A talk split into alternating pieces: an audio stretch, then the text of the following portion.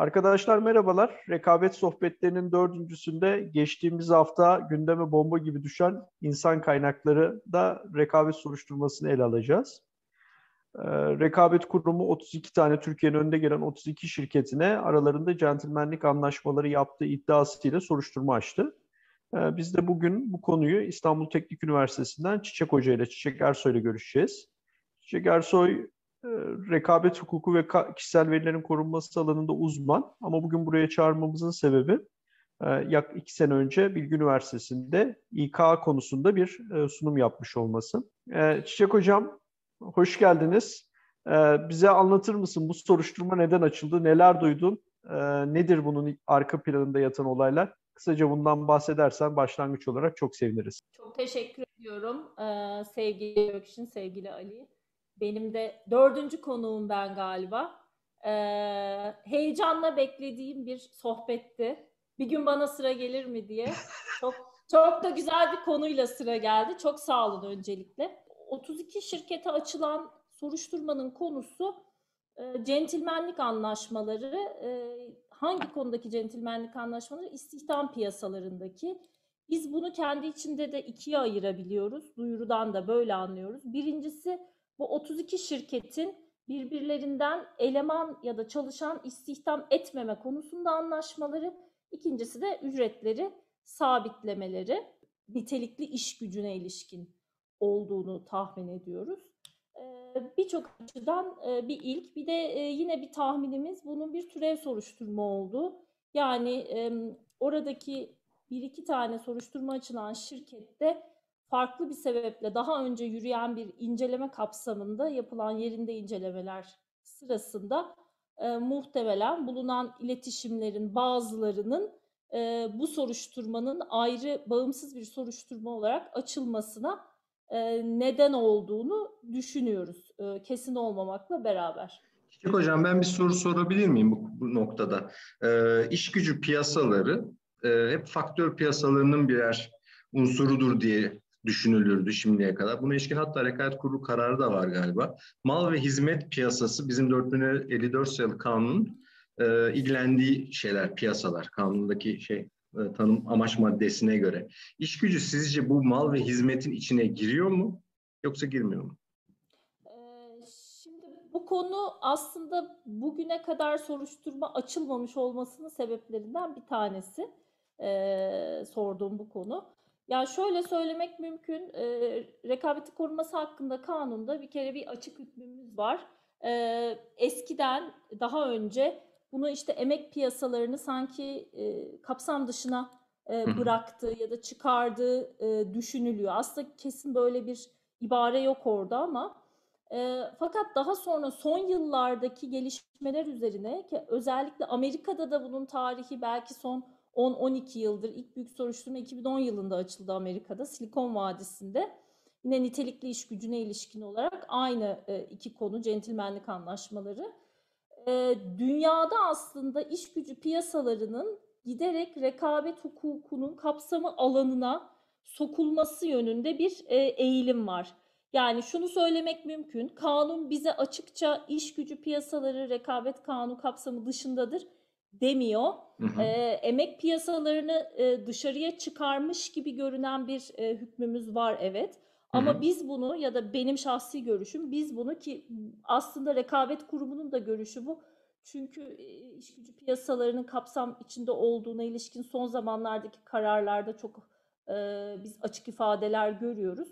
Daha çok sendikal faaliyetleri yani hmm, sendika anladım. ve toplu iş sözleşmelerinin e, kapsama alanını rekabet hukukunun dışına çıkardığını söyleyebiliriz. Yani özetle iki cümleyle geldiğimiz bu noktada net bir şekilde söyleyebiliriz. İstihdam piyasaları rekabetin korunması hakkında kanunun kapsamının içindedir. Tamam. Çok güzel. Ee, şimdi bu anlaşmayı yapan şirket 32 tane şirket aslında beyaz yakalı çalışanların işveren tarafı. Dolayısıyla evet. birbirleriyle anlaşmaları bir toplu sözleşmedeki işveren tarafı gibi gözükmüyor, görülmüyor öyle değil mi? Evet, evet, evet. Ee, yani bir e, toplu iş sözleşmesi söz konusu değil. Ee, birbirleriyle e, ya doğrudan iletişim kurarak e, ya da farklı yollarla iletişim kurarak e, ortaya çıkardıkları bir centilmenlik anlaşması olduğunu e, duyurudan anlıyoruz diyebiliriz. Peki bunu bu e, böyle bir soruşturmada e, hocam sence bu ilgili ürün pazarı nasıl tanımlanır? Tanımlanmalı ya da? İlgili ürün pazarı oldukça geniş tanımlanacak. Ee, yani bizim aslında e, mal ve hizmet piyasalarından çok alışık olmadığımız bir tanım yapılacak. Ee, o yüzden zaten dedim dikkat ederseniz 32, 32 şirket e, mal ve hizmet piyasalarından farklı olarak aslında bambaşka sektörlerde faaliyet gösteriyor. Ama iş gücü piyasası açısından biz bunların tamamını aynı pazar sayıyoruz. Evet. Çünkü yani e, X şirketindeki bir bilgisayar mühendisinin e, oradaki Y şirketindeki e, aynı veya çok benzer bir pozisyonda istihdam edilmeleri e, mümkün. O yüzden pazar tanımında ben e, rekabet kurumunun çok geniş e, yaklaşacağını düşünüyorum. Çok da büyük bir tartışma olmayacağını düşünüyorum. Kısaca bize Çiçek şundan da bahsedebilir misin? Dünyadaki örnekleri var mı buna ilişkin olarak? Dünyada e, ilk Amerika'da 2010 yılında e, Silikon Vadisi e, davasıyla e, oldukça işte büyük 4-5 şirketin e, istihdam etmemeye yönelik e, bir takım aralarında e, iletişim olması iddiasıyla uzlaşmayla sonuçlanan e, bir dosya ile başladı bu trend. Daha sonra gitgide hız kazandı. E, şu an çok kısa bir süreden beri hatta Amerika'da işin e, cezai boyutu da başladı. E, Avrupa Birliği biraz daha geriden geliyor. Avrupa Birliği'nde tek tük başladı çeşitli ülkelerde. E, işte Gökşin de sanıyorum bir paylaşmıştı sosyal medyada. İşte Portekiz'deki mesela futbolcularla ilgili soruşturma sürüyor. E, raporu hazırlanmış, bitmek üzere. Onun dışında işte Hollanda'da var bildiğimiz, İngiltere'de var. Almanya'da hiç rastlamadım bugüne kadar. Çok teşekkürler. Biraz daha olası savunma argümanlarına değinecek olursak e, şirketlerin kullanabileceği, bizim de aklımıza gelen e, Ali aslında güzel bir konuya değindi. Bu emek piyasaları hariç midir, dahil midir? Rekabet kurulu kararlarında artık dahil olduğunu görüyoruz. Yani emek piyasası toplu sözleşme boyutu bakımından değil ama diğer açılardan dahil olduğunu görüyoruz. Yalnız burada bu yatay ayrımı, yatay ve dikey ayrım var. Şimdi şirketlerden bazıları birbirine rakip, doğrudan rakip. Ama bazılarına baktığımız zaman muhtemelen bir dikey sözleşme var. Bir hizmet alım sözleşmesi. İşte bu piyasada çok yaygın olan bir durum. Mesela BT alanında BT alanında uzmanlaşmış bir şirketten bir proje kapsamında destek alıyorsunuz ve sözleşmelerde şu tür hükümler yer alıyor. Benim bu projede çalışan elemanımı istihdam etmeyeceksin. Bu vergi danışmanlığı vesaire gibi konularda da bu çok yaygın. Şimdi soruşturulan şirketlere baktığımız zaman galiba bu dikey konuyu da kapsıyor. Ee, sence burada böyle bir yatay ve dikey ayrımı yapılması gerekir mi? Buna ilişkin görüşün nedir? Ee, şimdi bu sorulan sorular içinde en zor soru ve e, cevabının da en net olmadığı, en gri alanı aslında ikiniz de sordunuz. E, rekabet kurumu nasıl yaklaşır henüz bilmiyoruz. Çünkü Amerika'da da bu çok tartışılıyor. Yani Amerika'da da netleşmiş bir durum yok. Bir kere yatay ve dikey ayrımı kesinlikle yapılacak. Ee, yani İngilizce'de işte e, naked agreements denilen çok açık ve ağır e, iki tane rakip şirketin birbirimizden eleman almayalım e, diye aktif bir şekilde birbiriyle iletişime geçmeleri e, ve e, ücret sabitlemelerini bir kere bir kenara ayırıyoruz. Bunlar kartel. Orada da perse ihlal olarak değerlendiriliyor. Gri alan senin de bahsettiğin uygulamada da özellikle bilişim teknolojilerinde çok sık rastladığımız veya işte Big Four'da mesela danışmanlık şirketlerinde sık rastladığımız e, bir takım danışmanlık ve iş görme sözleşmeleriyle siz müşteriye elemanınızı yolluyorsunuz ki bu eleman tekrar edelim nitelikli iş gücü işte bilgisayar mühendisi olabilir, hukukçu olabilir, danışman olabilir e, ve e, yaptığınız danışmanlık sözleşmelerinin içine şey monte ediyorsunuz. Yani sen bu elemanı 6 ay çalıştırdıktan sonra yarın öbür gün kendi bordrona geçiremezsin. Neden yapıyorlar bunu? Çünkü bunu eleman gittiği zaman zaten kendi danışmanlık süreci de sona ermiş olacak. Yani kendi iş modelini korumak için yapıyor. Bu bir meşrulaştırma olacaktır büyük ihtimalle. İkinci konuda franchise'ların durumu. Ki franchise'ların durumu ile ilgili de e, çok kısa bir süre önce Rekabet Kurumu bir e, BFIT kararı yayınladı. E, ya konuyla ilgili okuma yapmak isteyenlere kararı çok tavsiye ediyorum. Çok güzel yazılmış bir karar ve güzel tespitler var. Orada rekabet kurumu çeşitli sebeplerle e, fran iki e, franchise'ın birbirinden e, eleman istihdam etmemelerini e, ne ilişkin anlaşmalarını hukuka e, uygun buldu. Bir takım koşulların yerine getirilmesi. Ya bir anlamda şunu dedi. Ya franchise'ın ben bir e, dikey anlaşma olarak bir gri alan olduğunu kabul ediyorum ve burada da bazı meşrulaştırma gerekçelerini haklı buluyorum demiş oldu. Ee, ama net olarak şeyi söylememiz mümkün değil şu an hala. Yani gerek rekabet kurumunun gerekse Amerika ve e, Avrupa'daki uygulamada hangi e, alanlarda e, işte perse hangi alanlarda bir rule of reason e, değerlendirmesi yapılacak ya da rekabet kurumu nerede muafiyet vardır diyecek, nerede e, kartel vardır diyecek. Bunu kesin olarak bilmiyoruz. Bu biraz da şeyle ilgili bir soru. Biz makro politikalar gereği ne yapmak istiyoruz? Yani bir Amerika'daki gibi e, bizim için öncelik e, iş gücü piyasalarının hareketliliği midir? Orada mutlak bir rekabet mi yaratmak istiyoruz? Şeyi kenara bırakarak, şirketlerin ticari menfaatlerini ve know-how akışını bir kenara bırakarak. E, yoksa Kara Avrupa'sında olduğu gibi biraz daha e, muhafazakar mı yaklaşacak? E, hep beraber e, göreceğiz. Burada e, şimdi burada Chicago okulu bakış açısıyla baktığımızda işte diyorlar ya rekabet politikasının amacı tüketici faydasını maksimize etmektir. Ee, sizce bu rule of reason değerlendirmesine tabi bir anlaşma olur mu? Yani iş gücü maliyetlerini minimize etmeye çalışıyorum ben böyle anlaşmalarla.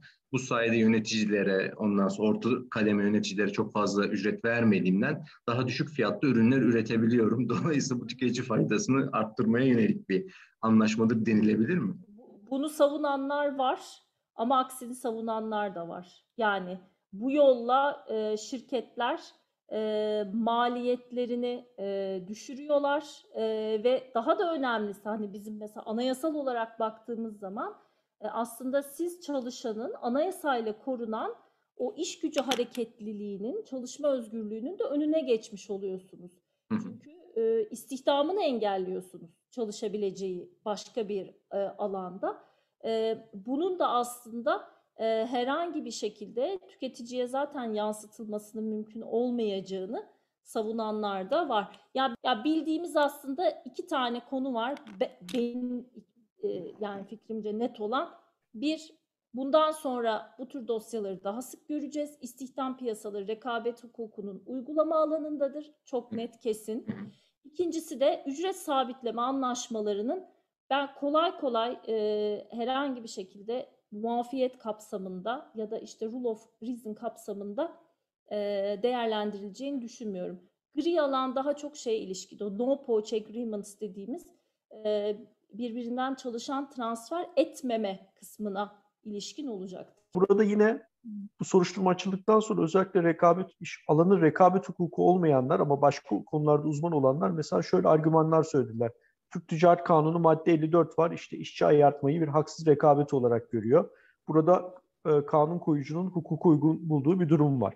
Veyahut da belli açılardan mesela rekabet etme yasağı getirilebiliyor çalışanlara. E, madem öyle neden burada bir centilmenlik anlaşması yapılması gibi argümanlar da ifade edildi. Senin bu konudaki görüşlerin nedir Çiçek? Şimdi TTK'nın haksız rekabet hükümleri evet benzer bir hüküm var. İşçi ayartmamaya ya daha doğrusu işçi ayartmanın hukuka aykırı kabul edildiği. Fakat orada şeye dikkat etmek lazım. Bir kere kanun dürüstlük kuralına aykırı olarak diyor. İkincisi de bunun uygulama alanı çok dar. Yani ne zaman bu karşımıza çıkabilir? Bilerek ve isteyerek kötü niyetle rakibinize zarar vermek amacıyla siz e, işte çalışanını ayartıyorsunuz. E, bu bizim bahsettiğimiz konulardan biraz farklı bir durum. Çok dar yorumlanan bir durum. Bugüne kadar da işte daha önceki e, çalışmalarımda da ben bununla ilgili karar aradım. Hiç bulamadım. Yani çok da uygulaması olmayan bir durum. rekabet yasağı hükümleri iş hukuku açısından çok uygulanıyor ama orada da bir fark var. Rekabet yasağı hükümleri çalışanla işvereni arasındaki sözle iş sözleşmelerine monte edilen hükümler. E, belirli koşullarda da e, iş kanunu uyarınca işte süre gibi, coğrafi bölge gibi vesaire gibi hukuka uygun sayılan temel mantığı da nedir? E, işte bu anlaşmaların e, şirketlerin e, know-how e, şirketleri know-how transferinden korumak. Bizim bahsettiğimiz rekabet hukuku anlamında problemli olan anlaşmalar ise e, çalışanla e, işveren arasındaki değil, e, iki tane farklı yani o çalışan için rekabet etmesi gereken iki farklı işveren arasındaki anlaşmalardan bahsediyoruz biz. Burada belki şöyle bir ekleme de yapılabilir. Mesela başta bahsettiğim bu Amerika'daki Silikon Vadisi örneğini mesela Kaliforniya'da non-compete clause getirilmesi yasak. O dosyanın orada çıkması ve yürümesinde mesela bunun da etkisi olduğu ifade ediliyor ama dediğin gibi hani ben de çok alakalı olduğunu düşünmüyorum. Bu argümanın çok kabul göreceğini çok düşünmüyorum. Kendisini rekabet riskinden, rekabet hukuku riskinden korumaya çalışan şirketler aynı zamanda, yani bunun için fon ayıran ve de uyum programları yapan şirketler aynı zamanda e, yüksek maaşlarla beyaz yakalı istihdam eden şirketler ve de bu böyle anlaşmalarında muhtemel tarafları ya da işte 32 tanesi zaten aktüel tarafıymış. Onların peki e, bu uyum çabalarında, uyum programlarında bakmaları gereken başka meseleler olduğu da ortaya çıktı. Şimdiye kadar hiç o insan kaynakları departmanı bu uyum programlarına e, katılmazlardı açık söylemek gerekirse. Belki yöneticisi gelirdi eğitimlere. Ama böyle şeyleri ben e, ne yalan söyleyeyim FMCG piyasasında daha önce görmüştüm. Uyum programı şey, yürütürken. Yani biz birbirimizin e, fiyat seviyelerinden, ücret, özür, özür dilerim, ücret seviyelerinden haberdar olmalıyız ki işte e, fiyat ücretler çok uçmasın yukarıya. Bunu kontrol edebilmeliyiz diye böyle e, şeyler yapıyoruz. Kalın kalın kitapçıklar halinde surveyler yapıyoruz demişler. Ee, Yalnız burada araya gireyim. Bu dediğiniz örnekte bir ihlal olduğunu Yok. söylemek mümkün değil. Hayır, ihlal Aa. olduğu için söylemedim de Gökşin. Bu onların e, görev tanımının içinde. Yani bir medyan var, medyan ücret var ya da şey var, e, ücret düzeyi var ve ben bunu tutturmaya çalışayım diye bakıyorlar. İşte onun bir aşama ilerisi de biliyorsun tutmadığı zaman da ya gel konuşalım demek oluyor. Bugüne kadar hep uyum programları satış ekseninde, pazarlama ekseninde gidiyordu. Ama gördüğüm kadarıyla bu yaklaşımın bu soruşturmadan sonra özellikle değişmesi lazım. Senin bu konudaki görüşlerin nelerdir? Ne tavsiye ediyorsun e, şirketlere ve e, avukatlık bürolarına? Ee, ya ben de aynı fikirdeyim bir kere. E, dediğin gibi bugüne kadar genelde hep satışçı satın almacı ekseninde. Satışçılar sevinecekler herhalde bu işe öncelikle. Ee, biraz da gidin İK'cıların bilgisayarlarına bakın diyecekler. İşçilere buradan bir mutlu haber gelebilir mi beyaz yakalı işçilere? Çiçek Hocam tazminat davalarında mesela onların bir şeyi var mıdır? Bu şeye göre değişecek tabii ki biraz. E, rekabet hukukunun e, yaklaşımına göre değişecek ama e, olasılık var. Henüz istediğimiz noktaya getiremedik ama belki bu vesileyle e, şeyde olduğu gibi banka kararları sonrasında olduğu gibi bir e, tazminat davası trendi e, yaşayabiliriz diye düşünüyorum. Çünkü şey çok sayıda. Bundan etkilenecek olan çalışan çok sayıda olacak. Beyaz yakalar bu soruşturmayı e, dikkatli bir şekilde takip etsin diyorsun yani. Çek hocam çok teşekkür ediyoruz verdiğin bilgiler için. E, hakikaten bence rekabet kurumu tarihinin en önemli soruşturmalarından biri iyi yürütülürse şirketlere de çok büyük ışık tutacak. E, ben şahsen bazı şirketlerin bu soruşturmanın sonucunda ihlalle kararına muhatap olmayacaklarını düşünüyorum. Özellikle bu dikey kısım bakımından tabii ki belgeleri görmek lazım. İlerleyen dönemde de bu soruşturmalara yeni şirketlerin eklenmesini olası görüyorum. Çünkü bu İK alanında farkındalık hakikaten düşük olduğunu görüyoruz. Uyum programlarının bazı şirketler bakımından en azından buraya çok teşmil etmediğini görüyoruz. Ee, kararı işte bir, bir, bir buçuk sene içerisinde karar çıkacak. Bunun arkasından tazminat davaları gündeme gelebilir. Ee, beyaz yaka çalışanlar bakımından önemli e, sıkı, çok iyi takip edilmesi gereken bir konu. Tazminat davaları gündeme gelebilir. 1 Mayıs İşçi ve Emekçi Bayramı öncesi e, heyecanla bekliyoruz sonucu.